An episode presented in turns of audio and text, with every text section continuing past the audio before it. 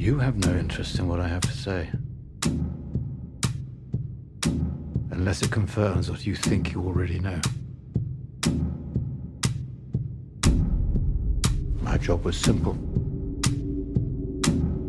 Save the country I love from being destroyed. Is your job any different? Hvala vam što ste došli na uh, drugo po redu live izdanje podcasta Zadovoljstvo u tekstu. U večerašnjoj epizodi koja se zove Banalno zla ili kako je Vuk Drašković autovao Miku Alasa.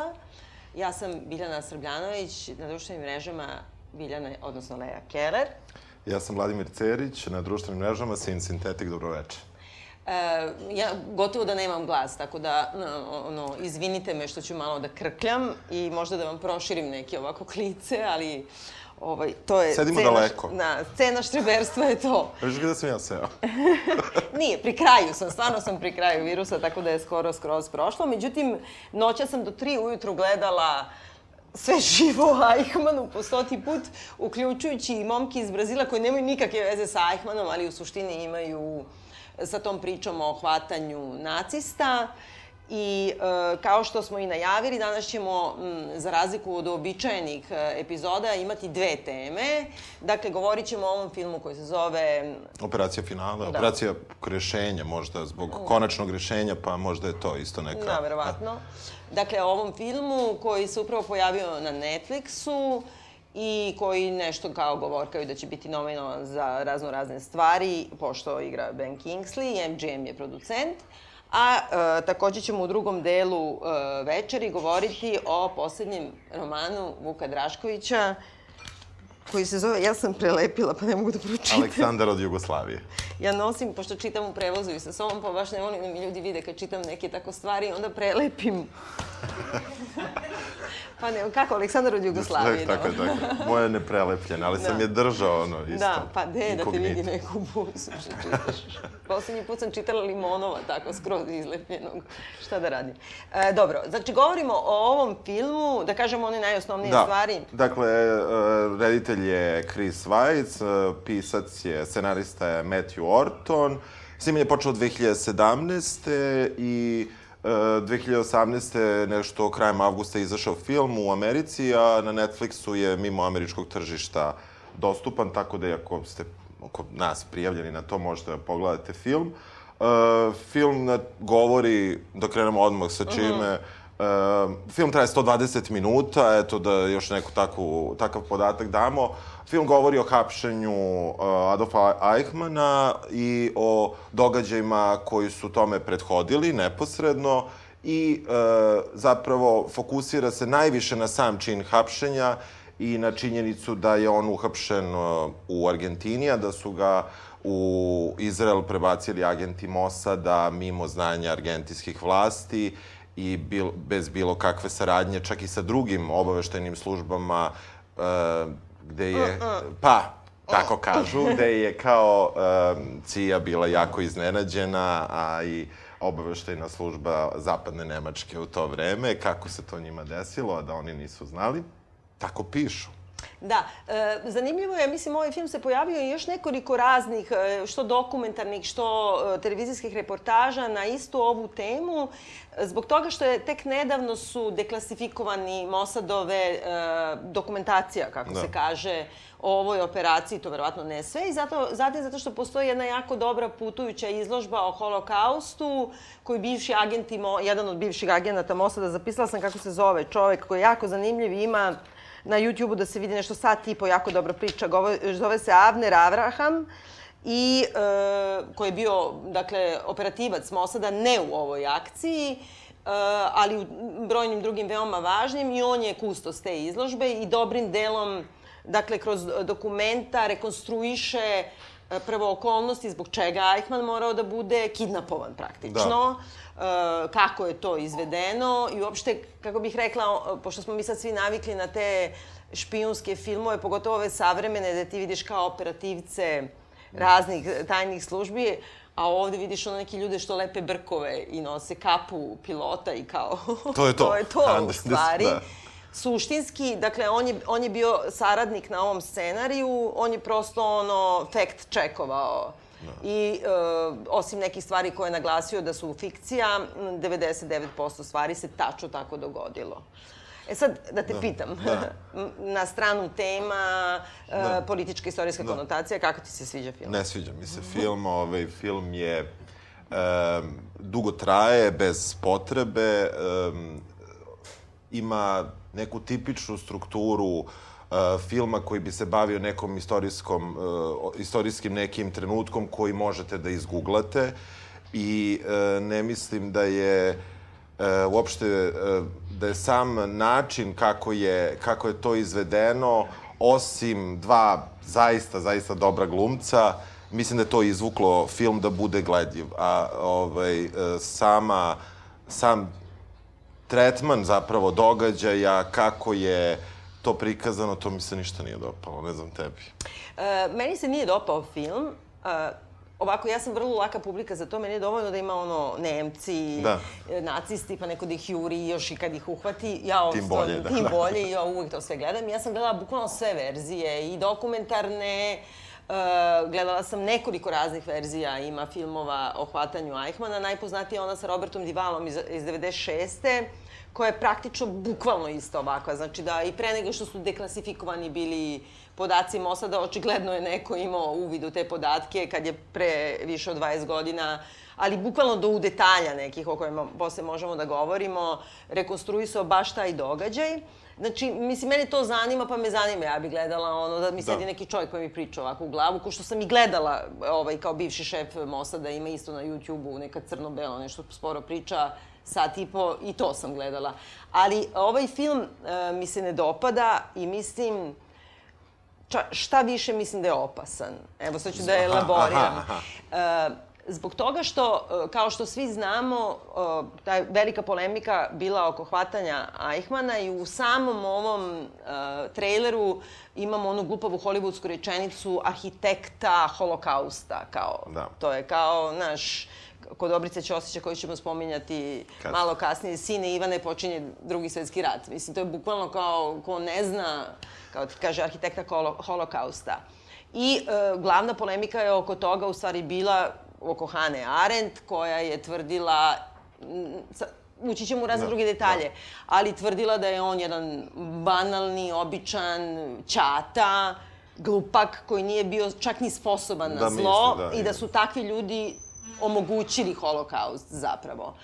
A s druge strane, u ovom filmu vi vidimo čoveka koji nije glup, e, koji nije banalan i koji čak ima e, osjećanja, ubeđenja i tako dalje. Znači, potpuno suprotno od onoga što je Hannah Arendt tvrdila da je najopasniji u totalitarnim e, sistemima oni ljudi koji ne razmišljaju, koji su tu da rade šta god da im se kaže jer je to za sistem. E, nakon toga sam gledala neke razne predstavljanja ovog filma i baš Avner Avraham i cela ta ekipa oko Holocaust uh, muzeja, oni uvek naglašavaju, nemojte da čitate Hanu Arendt, uh, to je taj kao šizma u, u Da. okviru same jevrijske intelektualne zajednice i čini mi se da ovaj film napravljen tako da se predstavi, uh, da se poništi u stvari uh, tekovina filozofske misli Hane Arendt baš po tom pitanju.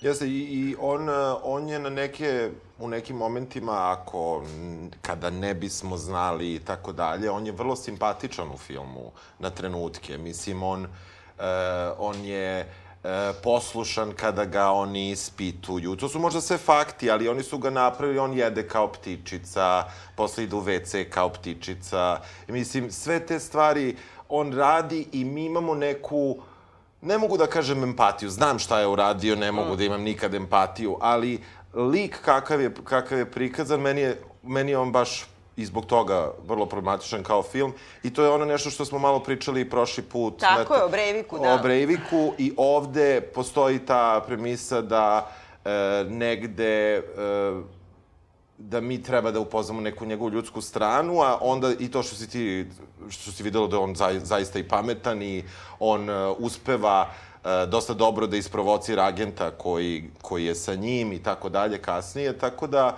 ali do tog trenutka dok se to ne desi, on je tako jedan uh, čikica koji... Da, i inteligentan. Da. I na neki način, mislim, baš što se tiče Breivika, ono što smo prošli put spominjali, ono što je mene najviše nerviralo tu i što je Breivik glupak jedan. I što u suštini e, svetskoj civilizaciji e, preti najveća opasnost od idiota. I to što je Hannah Arendt govorila da je banalnost zla, ne znači da su zločini banalni. Ali e, napadi, pa se, ja sam ono hipercionistkinja. Znači, Dobro. čak ono do političke nekorektnosti, znači ja navijam za Izrael, a ne za Palestinu. Znači ja čak nemam problem ni sa okupiranim teritorijama, što sve delo je totalno kontradiktorno sa svim mojim drugim ubeđenjima. Znači ja sam toliko pro-Izrael da nema sigurno nekog goreg ovde od mene. Ali taj narativ koji je pripremljen oko toga da su samo veliki, gigantski monstrumi mogli da unište 6 miliona ljudi, u to se ne uklapa činjenica da su to neki mali brejvici, ma, mali idioti koji samo su onako čvrsto radili svoj posao prema zakonu koji je tada važio. I onda samim tim se pitaš da li je moguće da je ovo ništa nas toliko pobilo. I tu mi postoji neki šum i mislim da je baš onako orijentisan prema tome da se on napravi većim nego što jeste. Pazi, on ima već na početku ono, čim mu se ovaj obrati nešto kao ste vi Nemac, on odmah sve ukapira, ima neko osmo da. čulo, da. Da, da, da. sve hvata, ono, pogledam yes. i tako dalje. Yes. Uh, a on, ja mislim, uh, svi podaci govore, nije bio takav. Da, o, da, da, da malo ispričamo kako počinje uopšte Može. film, da, da, da, da ljude ono, uvedemo u priču ako neko ne zna. Dakle, uh, on je, uh, Eichmann je se našao u Argentini, prebego je uz, kažu, podršku uh, crkve i uh, došao je tamo i pod pseudonimom Ricardo Clement je živeo sa uh, jednom ženom, sa sinom, koji se Sa svojom sa svojom, sa svojom ženom, sa svojim sinom, uh, predstavljao se kao njegov, da li teč... No, uvijek, uvijek, ne, a evo ti vidi da, koliko je on da, glup, da, izvinite, znači, da. stvarno, znači on je promenio ime u Ricardo Clement, a rođenom sinu je ostavio ime Eichmann. I onda da, je, mislim, da, to da. može samo glup čovek, jel da. da? Znači, na takvim stvarima, oni to predstavljaju kao da je to neka ponos, ali on se boji svoje senke. On radi sve da ga ne uhvate, pa šta će, znači, nema te pono, tog ponosa zbog koga ti ne bi promenio ime, ako se sebi promenio, promeniš i sinu. Ne, debil, nije mu palo da, na pamet ostavlja, da mo... Da, da, da, ostavlja sinu. I tako zapravo i ga i otkrivaju preko njegovog sina koji počinje da se, da se zabavlja sa devojkom Silvija, čini mi se se zove. Znači, Hannah Arendt ima pravo. Ja mislim da Hannah Arendt ima pravo. Uh, dakle, kroz zabavljanje sa, sa jednom devojkom za koja kasnije saznaje da je jevrika, u tom trenutku kaže da nije znala, uh, ona odlazi sa njegovim sinom na, na neki neonaci, ne, neki nacistički skup A. gde, gde biva iznenađena tom situacijom, beži odatle, ali prethodno je, uh, prethodno je njega upoznala sa svojim ocem I, uh, to je super što je otac slep i to je da, istina. Da, otac je slep i uh, na ra kada su došli dok su ručali... Ne, sreli su se da, slučajno da. nešto. Sad mešam da, dva filma, da, više da, ne znam. Ne, ne, ne, ovde, ovde ručaju I uh, u tom trenutku Eichmannov sin jednom kaže to je moj otac, jednom kaže moj stric, pa onda objašnjava nije moj, mislim ja njega doživljam kao oca.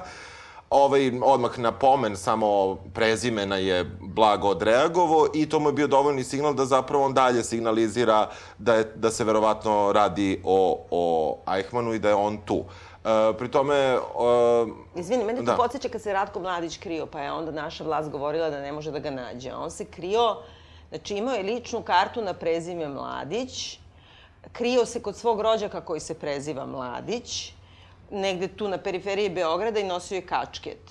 Pa kao nisu mogli ga nađu. Znaš, ono, imam sina koji se zove Eichmann. Ali... Ko sam ja? da, da, to. Znaš, znači, neće, jeste, znači, jeste, neko jeste, neće te nađe. Jeste, neko neće te nađe i u suštini u tom trenutku se prebacujemo na glavnu radnju u, u filmu, a to je da odmah kreće uh, prvo Mossad da li će da odreaguje, neće da odreaguje, to vrlo kratko traje, oni rešavaju da, uh, da odmah uh, krenu u to da provere da li je on za početak, šalju neki, neki manji tim prvo, a onda ubrzo zatim šalju veći tim koji osmišljava tu operaciju koja deluje opet iz Da, ugla koliko ovih... braće Marks. Znaš. Mnogo je smešno, Da, da, da. mnogo Koliko je- pa, Paja i Jari idu da kidnapuju. Jel da, ali u jest, stvari su ga jest, tako i jest, kidnapovali. jest. I u suštini, s jedne strane, to je politička odluka Bena Guriona, zbog toga što de facto on nije imao pravnu osnovu da traži njegovu ekstradiciju, jer zločini koje je Eichmann počinio, pravno, koštuničinim rečnikom govoreći, on je uradio u Nemačkoj, znači nema veze sa Izraelom. Izrael nije toga, postojao. Izrael nije postojao i to kako se to zove na latinskom, to znaju pravnici. Ono kad ne možeš da sudiš za delo koje nije bilo van zakona u trenutku kad se ga počinio. Ima jedno ime za to, ne znam. E, I drugo, ne samo to, nego, e, dakle, ne poštuje taj sud. Da. Znači, nema, nema razloga da traži i da to bude baš u Izraelu. E sad, on nije hteo da traži da se e, ide u Nemačku, jer je znao da će se negdje izgubiti umeđu vremenu ili uopšte zato što je želeo i sam je Ben Gurion govorio, to nema u filmu, ali to ima u svim knjigama, da, oni, da želi jedno suđenje koje će staviti u centar pažnje holokaust i koje će na neki način e, suočiti sve nove generacije i sav svet sa time šta se zapravo dogodilo. I ne treba zaboraviti da na, u Ninbergu uopšte nije bio centar na holokaustu. Oni ljudi što su osuđeni, su osuđeni razni neki za potpuno impersonalizovane zločine i tako dalje. I problem je isto taj bio što Eichmann nije kršio zakone države u trenutku kada je radio to. To su bili zakoni te države. I sad tu, do, mislim da dođemo do Hare Ja, Hare, Arendt i tu da. ću da prekinem. Suštini, kad kažem slažem se, ja se slažem sa Hanom Arendt, s druge strane ona ima jednu logički problem, jednu logičku grešku, jer ona tvrdi da ti e, banalni mali ljudi koji se nisu pobunili protiv varvarskog zakona su krivi za zločin, a s druge strane osuđuje Izrael što nije takođe poštovao jedan varvarski zakon koji glasi ne možeš da, da, da sudiš čoveku jer tvoja država tad nije postojala. Znači, kako možemo... Ovde si trebao se pobuniš protiv zakona, a ovde si legalista, poštuj zakon, nemoj da ga kidnapuješ. Tu ima nešto... Jeste, nelogično je. Jel da? Nelogično je u, u, u tom njenom pristupu i e, ono što, mislim, ono što je veoma bitno jeste da, da je uh, Hannah Arendt kada je izašla sa tim tekstovima u New Yorkeru, mislim, ko to nije pratio, ona zaista napravila neviđenu buru u, u, u, među je, u jevreskoj populaciji širom sveta i izgubila je čak i prijatelje neke dugogodišnje koji su i pomagali čak e, da dođe, da bude u Izraelu, ne mislim finanski, ali više ovako kao neka podrška e, druge vrste.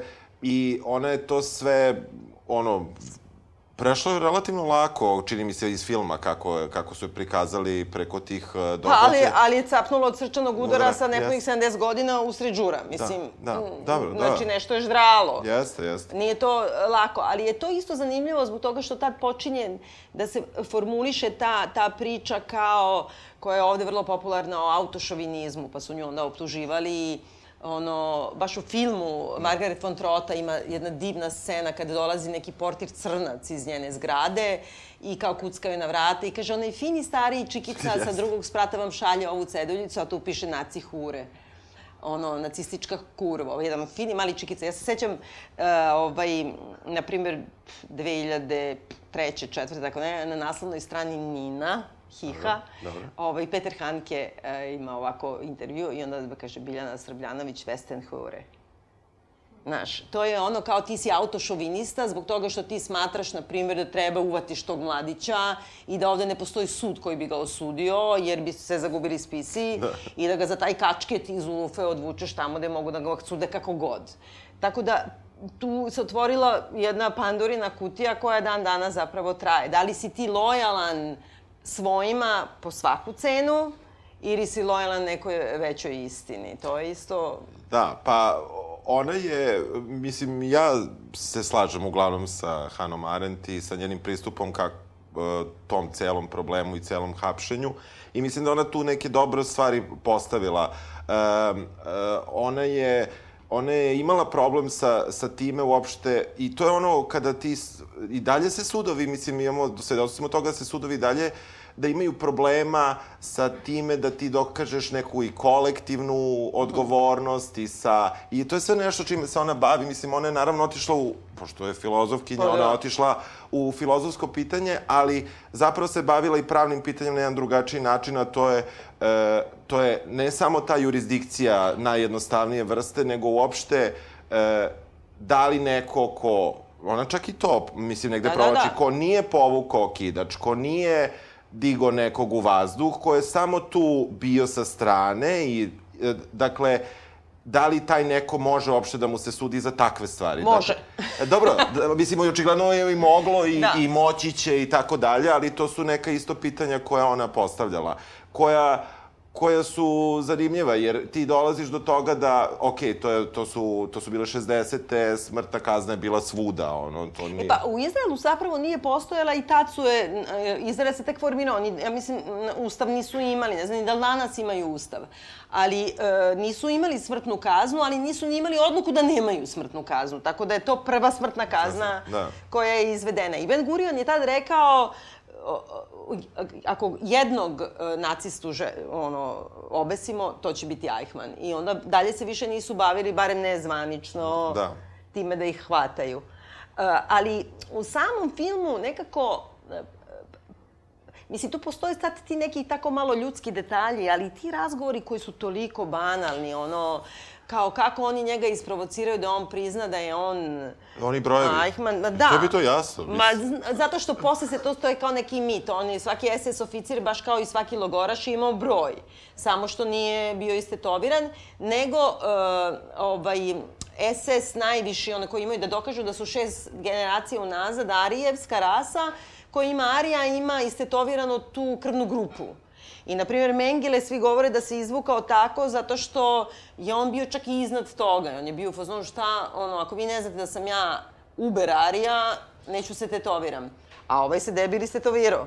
I između ostalog, zato su kolima mu prvo digli Da, da vide da da li ima tatu i uši su mu nešto merili ili ne znam šta.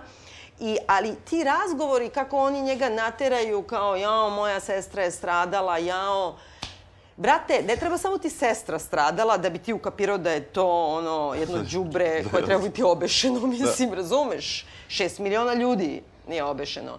I nekako ima tu neku jeftinoću hollywoodsku koja me užasno Ima sve vreme. Da, iako, iako ovaj, Aj- Isaac on dobro glumi, mislim, meni je on okej. I, i, ali taj, ta cela scena sa tom sestrom je baš bila tipično hollywoodska i kraj. Mislim, ko ne moramo sada da kažemo šta je, ali Pa na dobro, kraju... sa, mislim, na, ne, kraj, ne, ne mislim kraj... Ali kraj je izmišljen taj, znaš. Da, da, pa, mi- dobro, jasno Ali mi je, samo da. tu je izmišljen, Da, zato što da. u suštini, pošto ima 700 filmova i sve živo ima, u suštini su oni, znači, njega morali da kidnapuju, onda su krenuli da ih jure e, kao nezvanično argentinska policija, ali u stvari najviše jedno 300-400 nacista organizovanih, pošto su bili veoma organizovani, naoružani i tako dalje, e, da ih jure po kućama. I onda su oni smislili da El Al, e, ova izraelska Da. aviokompanija, koja inače nije imala let, uopšte za Argentinu izmislili su da, Mossad genijalni, da povodom 150. godišnjice Argentine, baš kao tad će da promovišu let i ovo i ono. I onda su,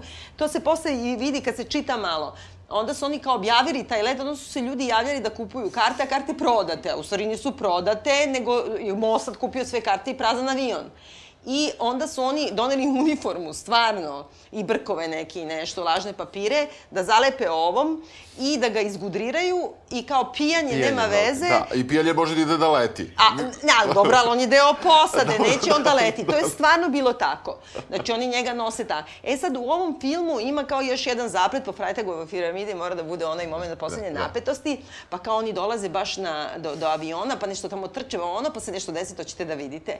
To nije bilo tako u realnom Da, životu. Bogu, da. Oni su došli e, na aerodrom i ušli u avion i odleteli. Međutim, ono što nisu stavili u film, što je meni mnogo zanimljivije, se kad sam malo čitala.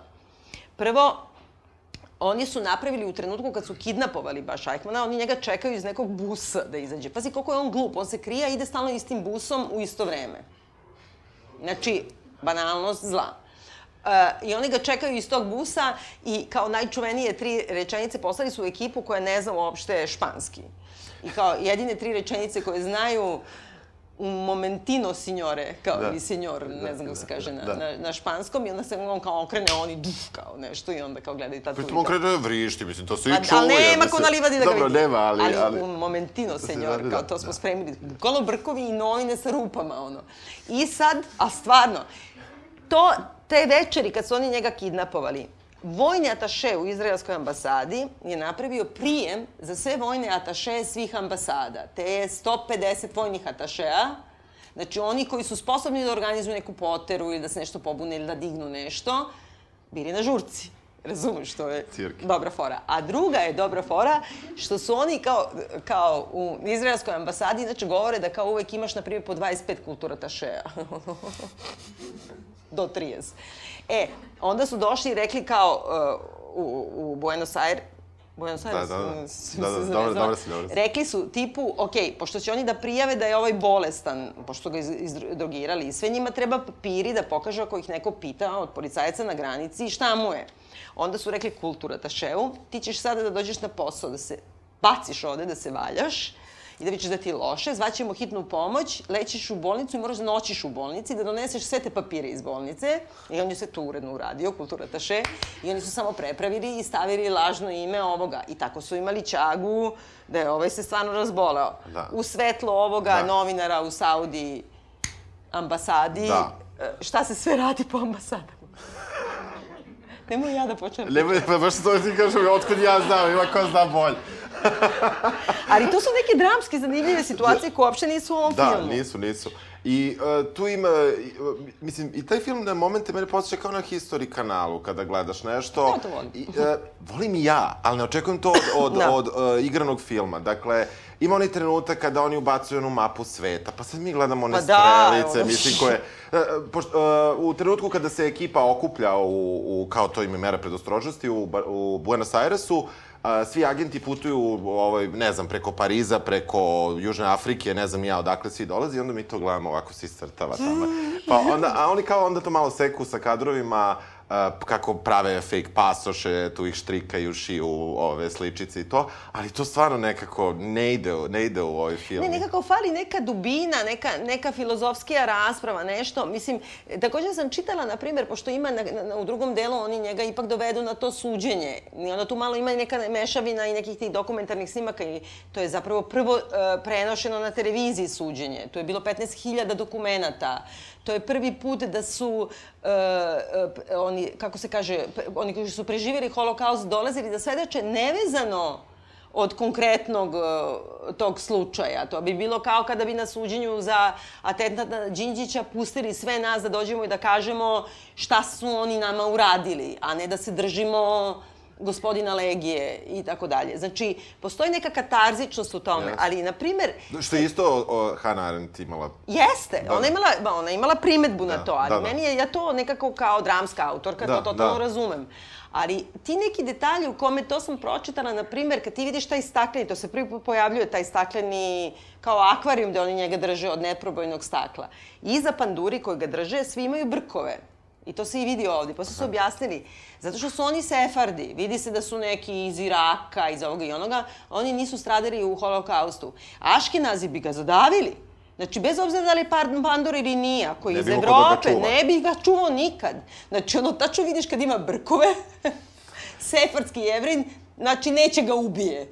Jer mu nije direktno porodica stradala. Koliko su to da. neke sitne stvari u životu koje nekako mi fali. O, oko čega je moglo da se nešto napravi, apsolutno. Prosto da uđeš u, ne, u neku A ljubavne dubinu. priče?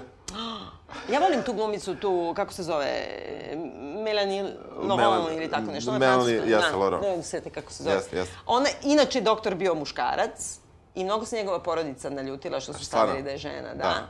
A pritom su napravili tu polu ljubavnu priču koja nema nikakav kraj, nema čak ni sredinu, ima samo neki ovaj, početak koji se verovatno desio i pre, nego, pre događaja koje mi gledamo i onda kada krenu ti događaji nešto malo, i s tim nema ničega. To je baš bilo besmisleno. Da, da, nekako ovako, e, pre nego što zaključimo, ja ću neki side note, moj najprivatniji. Ja imam taj neki novi komad koji se sad daje i onda imam jednog junaka koji je kao neki komunalni policajac koji nešto ne znam šta. I e, bukvalno, ali bukvalno sam taj ceo njegov lik pravila prema tome, pošto on kao bio, dok je trajalo bombardovanje, bio je pozivar i bio je najbolji pozivar, pošto je znao tačno kad da dođu, koje doba noći, oni koji se najviše kriju će da zaspu i rođenog brata uručio mu je poziv i onda je naravno postao komunalni policija i da, da, da sad ne pričam. Ali on, čovek ima e, to čitavo svoje opravdanje, ja radim za sistem. I nisam ja tu izabrao. Mene je jednostavno, tako mi se devolo bi ja da sam ja nešto drugo, ali sistem je sistem i kad ne bi ja sad pozvao rođenog brata u vojsku i njega pustio da pobegne, neko bi drugi na njegovo mesto došao i poginuo. Ko sam ja da to odlučim? Ne, sistem iznad mene odlučuje. Suštinski da ta banalnost zla, da ti imaš nekog jednog malog komunalca koji je u stanju da ti drži život uh, u rukama ili smrt, a da ni ne shvata da to zašto on radi je u stvari jedno džinovsko zlo. Tako da, u stvari, na neki način sam bila inspirisana time. A sad još da kažemo o njima, da, prepo... da gledaju ili da ne gledaju?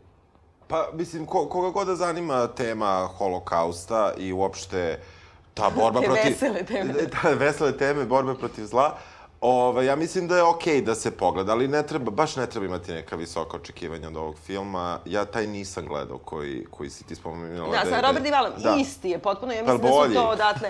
Pa nije, isti je, sa sve tim čučnjevima, odlascima u klonju i sve. Da. Ali ja mislim da je dobro da, da možda da se gleda, da se napravi neki kao vikend za decu. To nije loše, jer... E, na neki način ako imate decu ili neke mlade ljude oko sebe sa kojima želite da progovorite o stvarima koje su potpuno izvan domena njihovog interesovanja i da ne možeš ni da shvatiš šta je to, e, možda je zgodno nekolicinu ovih filmova sakupiti i e, pre svega Momke iz Brazila, bez obzira što je to potpuno fikcija i tako dalje, ali Laurence Olivier i, da. i cela ekipa, to je stvarno super.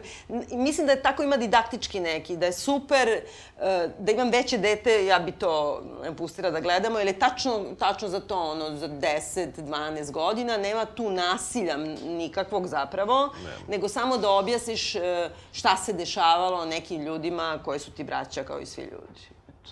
Da. Dobro. Sad prelazimo na našu sledeću temu. Kako ti se zvao otac? Husein. A njegov otac? Kemal. Čiji je Kemal? Šefkin. Dalje? Šefkija Ibrov. Dalje? Ibro Rušidov. Rušid, Ekrem, Muslija, Adem i Alija. Dalje? Nema dalje.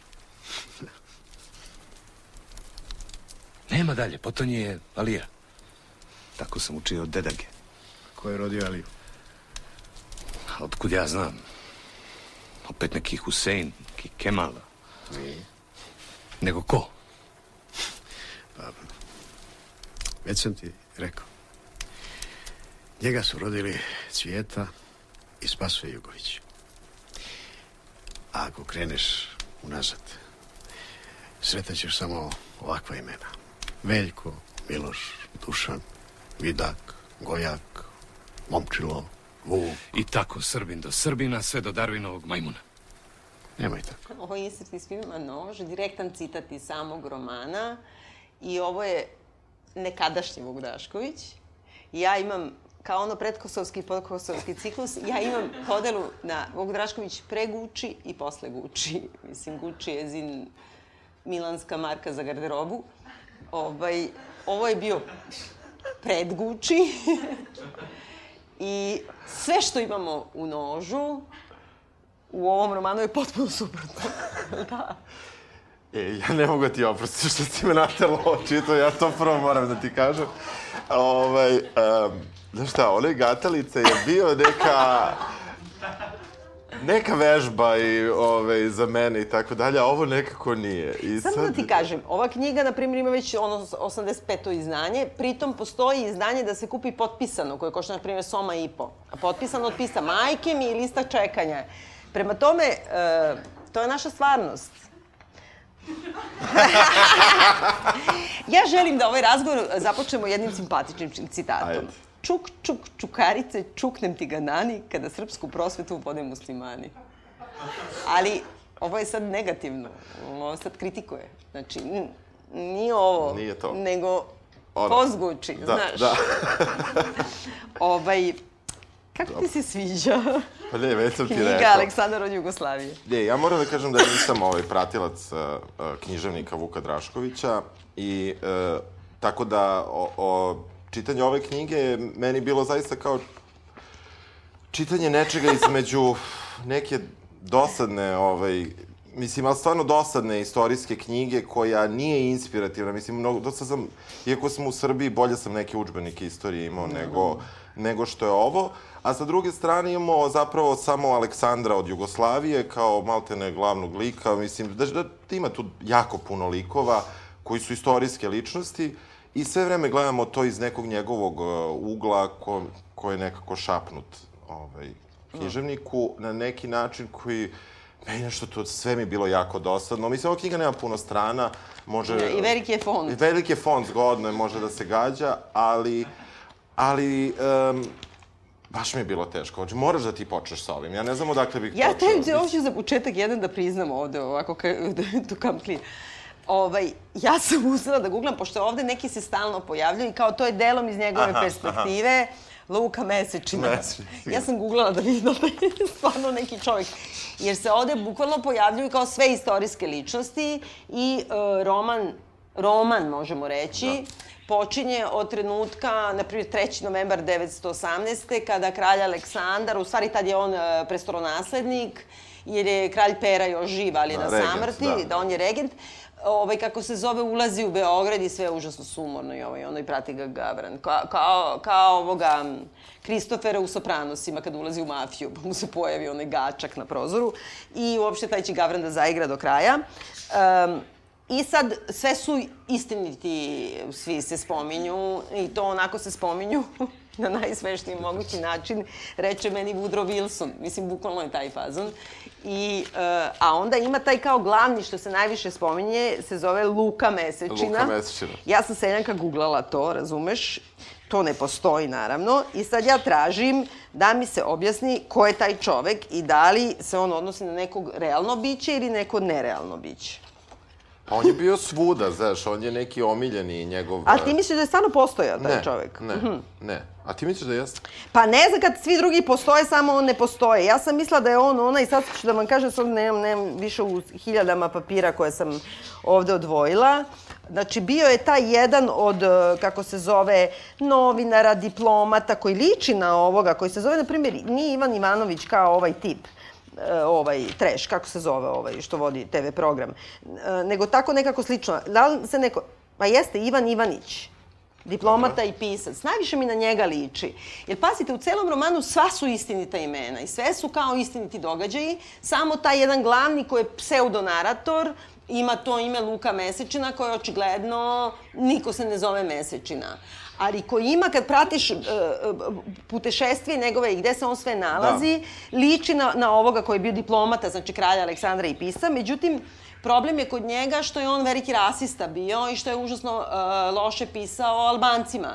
I on je pisao da su oni divlja arnauti, škiptari, da je Neron pigmej prema arnautskim krvopijama, da su varvari i tako dalje. Tako da imam utisak da je to u stvari on, samo je ovaj nije smeo da kaže da je to on, nego sve je on, ali mu je promenio ime da ne ispadne Da. da je Neron gori od Da, ne znam, meni, meni da, osim Luke Mesečine koji, ko, koji ima taj, e, to, taj nadimak, e, ostali likovi... Ne, ja prezime mu je to, on kaže da mu je to Da, prezime. prezime, da, da. Ja nešto sam mislio da je kao Ne, nešto drugo, pa nije. je on promenio u to. Jok. Ja sam tako pa nešto- možda je ovaj. Da, da, da. Ivan Ivanić pa je, ga je promenio kada je postao rasista da se ne uvati, mislim. Ali sama činjenica da ti kao jednog od, dva glavna junaka reči čuješ nekog takvog čoveka, za mene, pošto je u pitanju, dakle, roman koji se bavi nastankom Jugoslavije i da kažemo, najavom raspada Jugoslavije i osnovna teza je u tome da je Jugoslavija podmetnuta Srbima. E, i Da je to nije niko otprilike želeo. Da, Da. Manje više. Dok je u nožu, na primjer, oni se zovu Jugovići. I u nožu su oni slave Jugoslaviju i bla, bla, bla. A ovde nam je vele obrt, Da. jadni mi Srbi pod Jugoslavijom, zar ne? Tako, tako je. I negde, pošto čujemo i misli ove, Aleksandra, nekako ono što je meni tu bilo nek, najzanimljivije jeste da se on nigde ne postavlja kao neko ko će realno da postane vladar zemlje koja je deset puta veća iz neke lične, stvarno lične, kao ja sad ću da, ne mora, nije bitno, možda sam ja neki ono, znaš, nikad mi se to neće desiti, možda sam ja imam nek, nešto diktatorsko u sebi, nemam pojma, ali ja se neću baviti time, tako da su svi bezbedni. Ali sa druge strane, znaš, e, sve vreme on tako bi da pravi tu Jugoslaviju, ne bi da je pravi, ali hoće da zaštiti Srbe u njoj, da postanu svi Jugosloveni. Sa druge strane, a, ima neka razmišljanja, ono mi je, o Obrenovićima mi je bilo ovaj, jedan, Da. od, jedan, od, jedan od, od najzanimljivijih delova. I, ajde, ne znam sad da, da li mogu da nađem da, da, da taj Pa, deo... suštinski oko Obrenovića, e, cela teza sada Vuka Draškovića najnovija je da je APIS, odnosno Crna ruka, odnosno Mlada Bosna, njihov nastavak je komunistička partija i Tito. I da je Da. to ta neka veza Linija. terora nad Srbima. I, I sad, komunisti su jednako teroristi, to je Komunisti su jednako teroristi, čak ima, molim ti, ima rečenicu kad kaže, ja, ja moram to da ti nađem, vi ste ekspert za terorizam, ovaj kaže, ali unutrašnji. Znači, reč terorizam u kontekstu u kojem ga mi upotrebljamo je ušao ovaj meni Webster 1973. Tako da, od, od takvih stvari, Da, da. ovaj, hoću da kažem, ima tu neku političku ideju da je, a pošto su Karadžorđevići došli na vlast tako što je APIS, odnosno Crna ruka, roknula i to na najbrutalniji način prethodnu dinastiju, onda ima tu nešto ljudsko kao u njemu da on kaže, eto, ja sam došao na vlast tako što su ovi nastradali, ali manje više... Ali kaže, pukovnik Damjanović nije znao, niti je to mogao znati, da je Aleksandar u duši svojoj bio kao skamenjan i obnevideo i da je one dve poslednje sveće upalio ubijenim Obrenovićima svom imenjaku, kralju Aleksandru i suprazi njegovoj kraljici Dragi. A istovremeno, moram da kažem, istovremeno koliko je ovo nekako priučena neka literatura, e, postoji deo u kome e, kralj Aleksandar ide i odlikuje medicinske sestre i to i posthumno one koje su stradale u Prvom svjetskom ratu i ovi što su žive, Karadžorđevom zvezdom. Karadžorđeva zvezda je orden koji su izmislili e, crnorukaši i koji su dodeljivani znači, članovima zaverenika i prvi put su dodeljeni bukvalno onima koji su ubili kraljicu Dragu i kralja Sašu. I inače je bilo poznato među poštenom gospodom e, nakon prevrata, da kad umre neko od oficira, u čitulju u politici ti piše, ne znam, ne znam, pukovnik taj, taj služio tu i tu i nije odlikovan Karadžorđevom zvezdom. Znači ima čast, ima vojnu čast. Sad ovaj, e, kao, mnogo ga brine savest e, i mnogo mrzi Apisa, onda uzme Karadžorđevu zvezdu i kao deli ženama. Mislim, e, imam utisak kao da nešto nije neka lekcija se do kraja Što bih ja ovo morala da znam bolje od Vuka Draškovića? Brate, mene to ni ne zanima. Mislim, no, no. Pa da? Pa ne znam. Ali Mislim, ovo, dobro. mislim, cela, ne, pojma. hvala. Pa ne, nisam tako htela da ti kažem, nego, nego mene, mene je toliko ova knjiga isprovocirala i toliko mi je bila ovaj, mučna za čitanje, baš, baš zbog toga što e, istorijske, či, mislim, vrlo je nezgodno kada je nešto ovoliko istorijsko, kao što je ovo, ne pričam sada konkretno o ovom romanu, nego uopšte imam problem sa takvom vrstom literature. Kada ti imaš toliko detalja, toliko likova, toliko događaja, toliko svega koji, ako ti neku brzu paralelu napraviš sa nekim svojim preznanjem iz istorije, ti, ti vrlo lako možeš da sklizneš u to da je to sve to, da tu Da. nema ničega. Da. Dakle, ti nemaš tu jasan neki, sada da kažemo, on je pisac, izmislio je jasno mesečinu, izmislio je možda i neki događaj, neću sada da preterujem, ali sa vanzemaljcima, pretero sam, i uh, u tom trenutku mi znamo da to je neka sloboda i to je, zaista svaki autor ima na to pravo. Ali ovde kada je to toliko napakovano istorijskim Mm. činjenicama, njegove razmišljanja o, recimo to, ja sam zapalio dve sveće Obrenovićima, je nešto što mene potpuno izbaci. Mm. Da, da, da, to je intelektualno nepošteno, to je falsifikovanje istorije. Da, jer, jer mi to ne znamo i on čak, on javno ovde, mislim, nije, uh, on se sakrio, on kaže, ne zna ni ovaj pored njega da je on to pomislio, ali ne znaš, brate, ni ti. Tako da, u tom smislu, to poturanje e, takvih nekih situacija, a znamo svi i kako su došli Obrenović na vlast, i kako su došli Karadžođević na vlast, i kako su se svi oni tu, tako da, u tom smislu, e, mislim da je opasan, uh, da je ovo uh, op, potencijalno opasna knjiga. Tačno. Zato što, neću da kažem da je opasna, jer, mislim, svačega ne, jeste, ima, to će ali... da gutuje ko knjigu o Milutinu, kao onu golubnjaču, kao to je, to je sad odjednom ta nova mantra u kojoj to Jugoslavija, grobnica naroda, oni su nas svih prevarili i zapad, a najgori su muslimani opet. Ali prevalili su sve vreme varaju njega. Pa i da, to meni ne užasno. on je Tupson, da.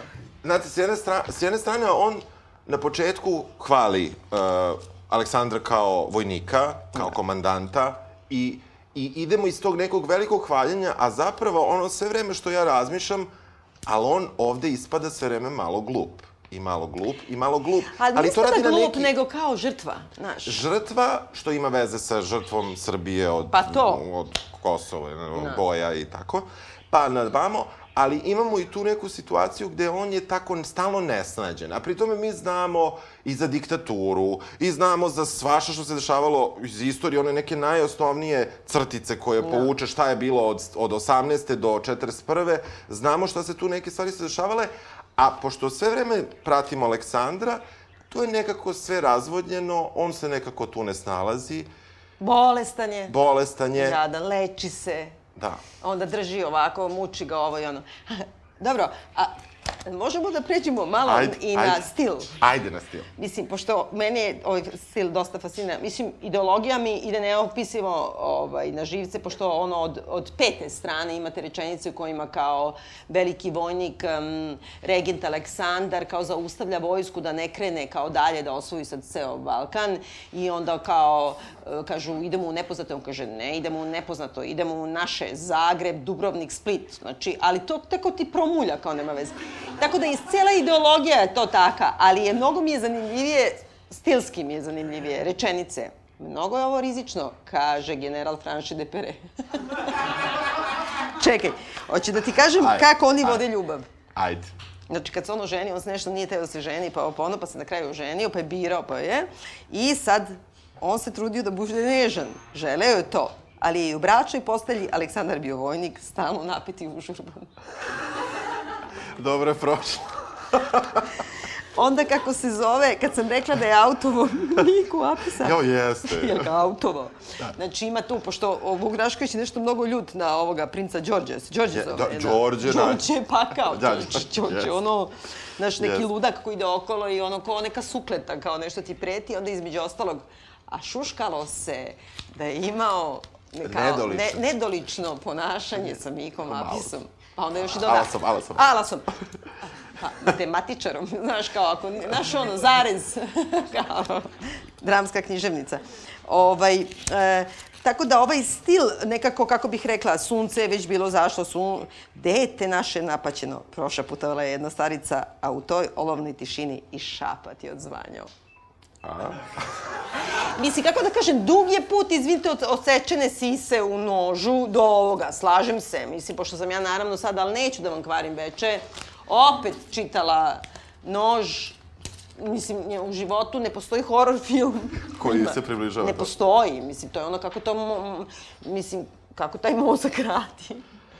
Ne znam, šta tu ovde- je sve smišljeno od zločina, ono, i, i kao ko ovom oburazi ovako, pa mu cure creva onako, pa, pre, pa smrde creva, pa ono, mislim, Meni je super kada, eh, kada Hrvat jedan priča sa premijerom Britanije i onda mu kaže oko 40 tisuća. To bi se isto... Da, to- da, da, da, slatko je. I da, i sa crnogocima malo ga zaokrene. Jeste, malo zaokrene, da, jerkavicu. Ali, ali, znaš šta je isto interesantno? Interesantno je, na primjer, kolika sam ja budala. Jer ja sve uzmem ovo zdravo za gotovo i krenem ovako kao kompletiskinja sve da proveravam. I sad, na primjer, sam početak je u tome kako on dolazi u sabornu crkvu, jer, mislim, ono, završeni rat i mi smo među pobednicima. A istovremeno izvesni novinar, na primjer, Žiskar, nešto, javlja se listu žurnal i onda ima halo, halo, da li me čujete? Zapišite dobro, mislim, i onda diktira sve, tekst. Savršena srpska vojska, nije mogo niko da je stigne. Naša konjica je jedva sustizala srpsku pešadiju. Onda, uh, Aleksandar od Srbije, ko je on? Hannibal ili Aleksandar? Veliki ili on srpski Bismarck ili Garibaldi? Ovo masnim slovima na naslovnu stranu. I sad, ima ona, pošto sam ja članica nacionalne biblioteke francuske, imaš tamo da uđeš nešto i da nađeš, kako se kaže, kao mikrofilm. brate, ima jedan ovolitski tekst i nije na naslovnoj strani i kao hrabro su se borili. I to bismo rekli. Znači, četiri, sve pet strana te obsesije da kao svi nam se dive. Da, i, i to se javlja u talasima Tako tokom či... I to je zašto, zašto ja mislim da je, da, je, da je potencijalno opasan roman. Jer ako ga shvatiš kao istorijsku činjenicu, na, na, prvu, na prvi pogled, ako ga izgooglaš, ti ćeš reći da, ovo, ovo je istorija, ajde, lakše mi da čitam ovo nego nešto što nema Da. nekog junaka s kojim možda možeš da ne, osjetiš Da razmišljiš. ne, nešto, da? Da se nedolično ponašaš. da, na primer. I u tom smislu, uh, o, o, ova, ova njegova, uh, ta, ta cikličnost pojavljivanja uh, veličanja sigurno velikog uspeha vojske jedne male zemlje kakva je bila Srbija pre, pre Prvog je svetskog rata. kog uspeha, brate, jedna trećina stanovništva Upravo pobijeno. to, upravo to. I to se negde provlači kao razmišljanje Aleksandra, ali kao razmišljanje. Čini mi se da on to ne priča, nego mislim da to ide kao u razmišljanje. I eto kako su Obrenovići bili pametni, kao i njihovi ratovi što su bili, oni su tu malo izginuli, stanovništvo se povećalo, Da. a eto ja sam bio pobednik, pa kod mene je broj stanovnika padao. Tako da ima, ima, ima taj moment. Ne mogu ti kažem nešto. Ajde, molim te. Znaju, dobro znaju šta je srpska vojska. Neočekivano se osmehnu, ali mu se već sledećeg trena lice zateknu u strah ili bol. Ubi me Crna Gora. Ubi me crnak. Ubi me Crna Gora.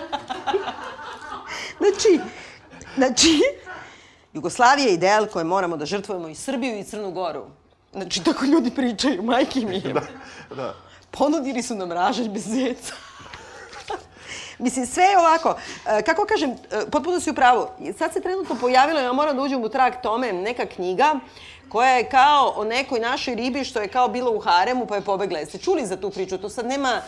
Znači, meni čak i studenti pričaju o tome, da ne pričam taksisti ovo i ono. Znači, od ovih što se prodaju na ulici, to je neki bestseller.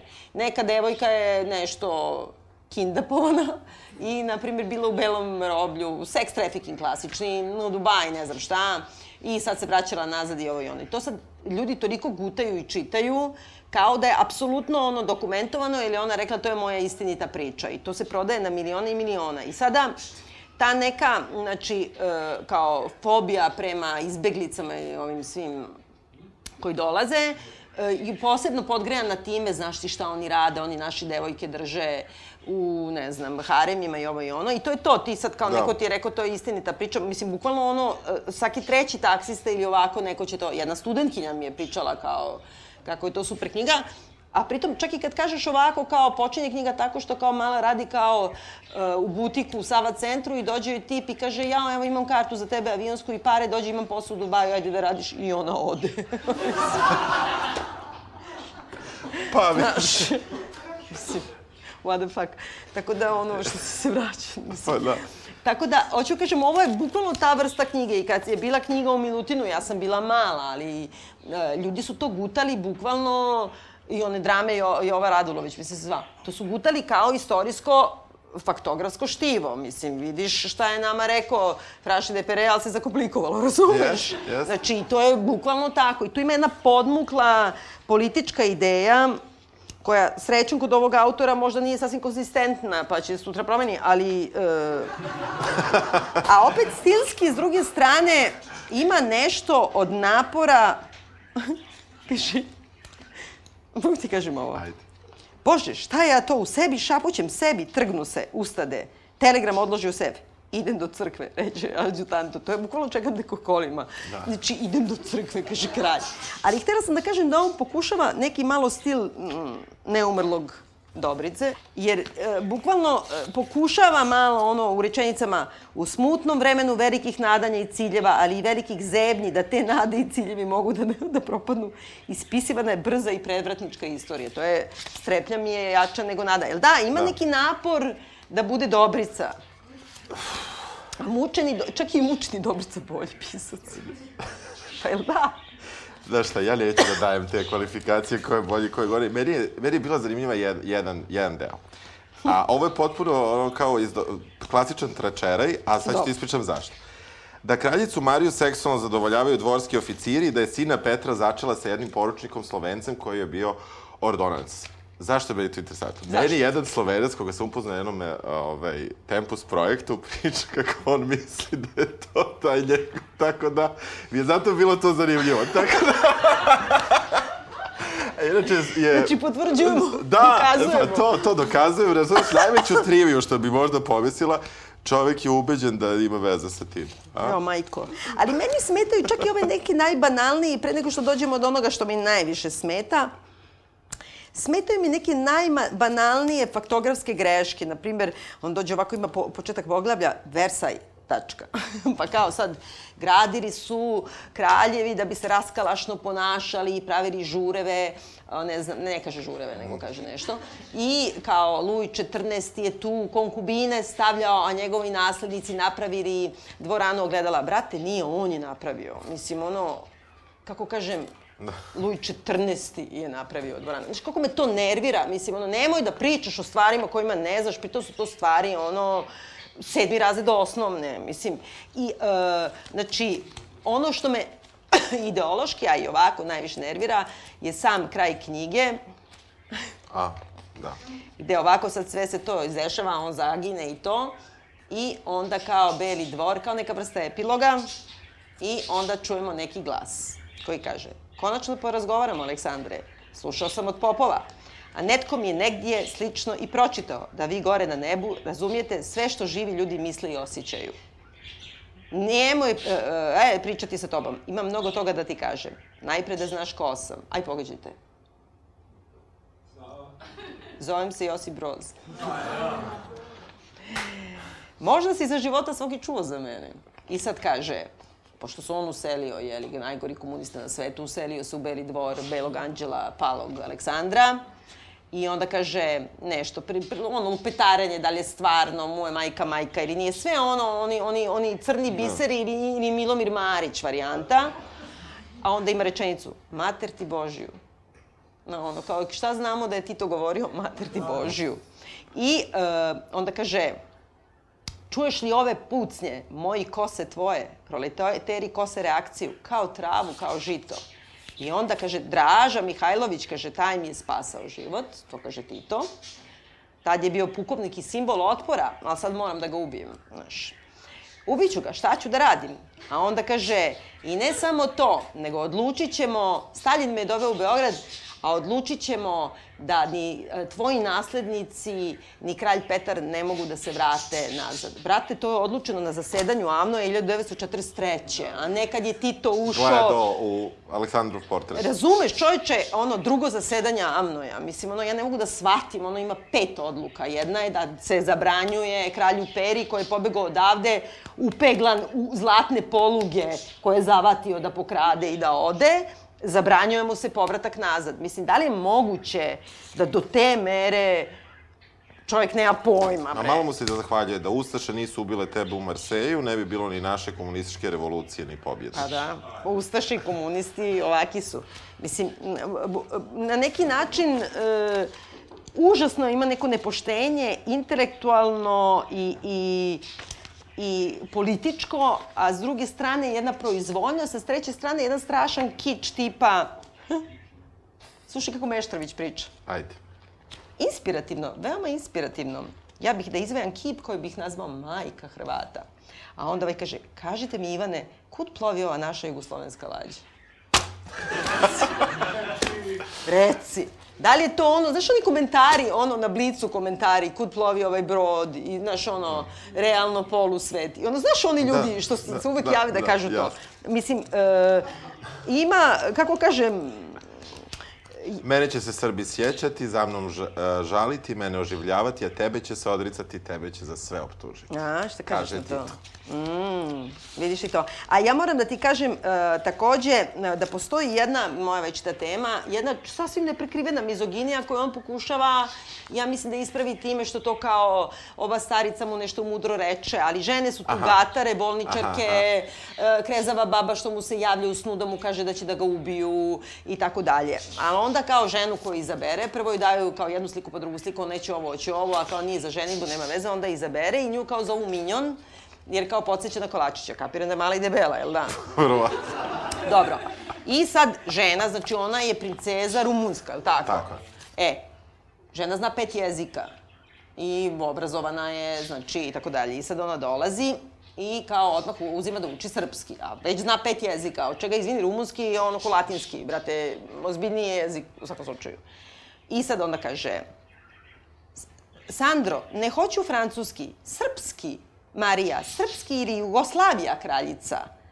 Ti, moja profesor, moli tvoj minjon. Onda kaže, minjon u Beograd, kada ti i ja budemo, ide minjon u Topola.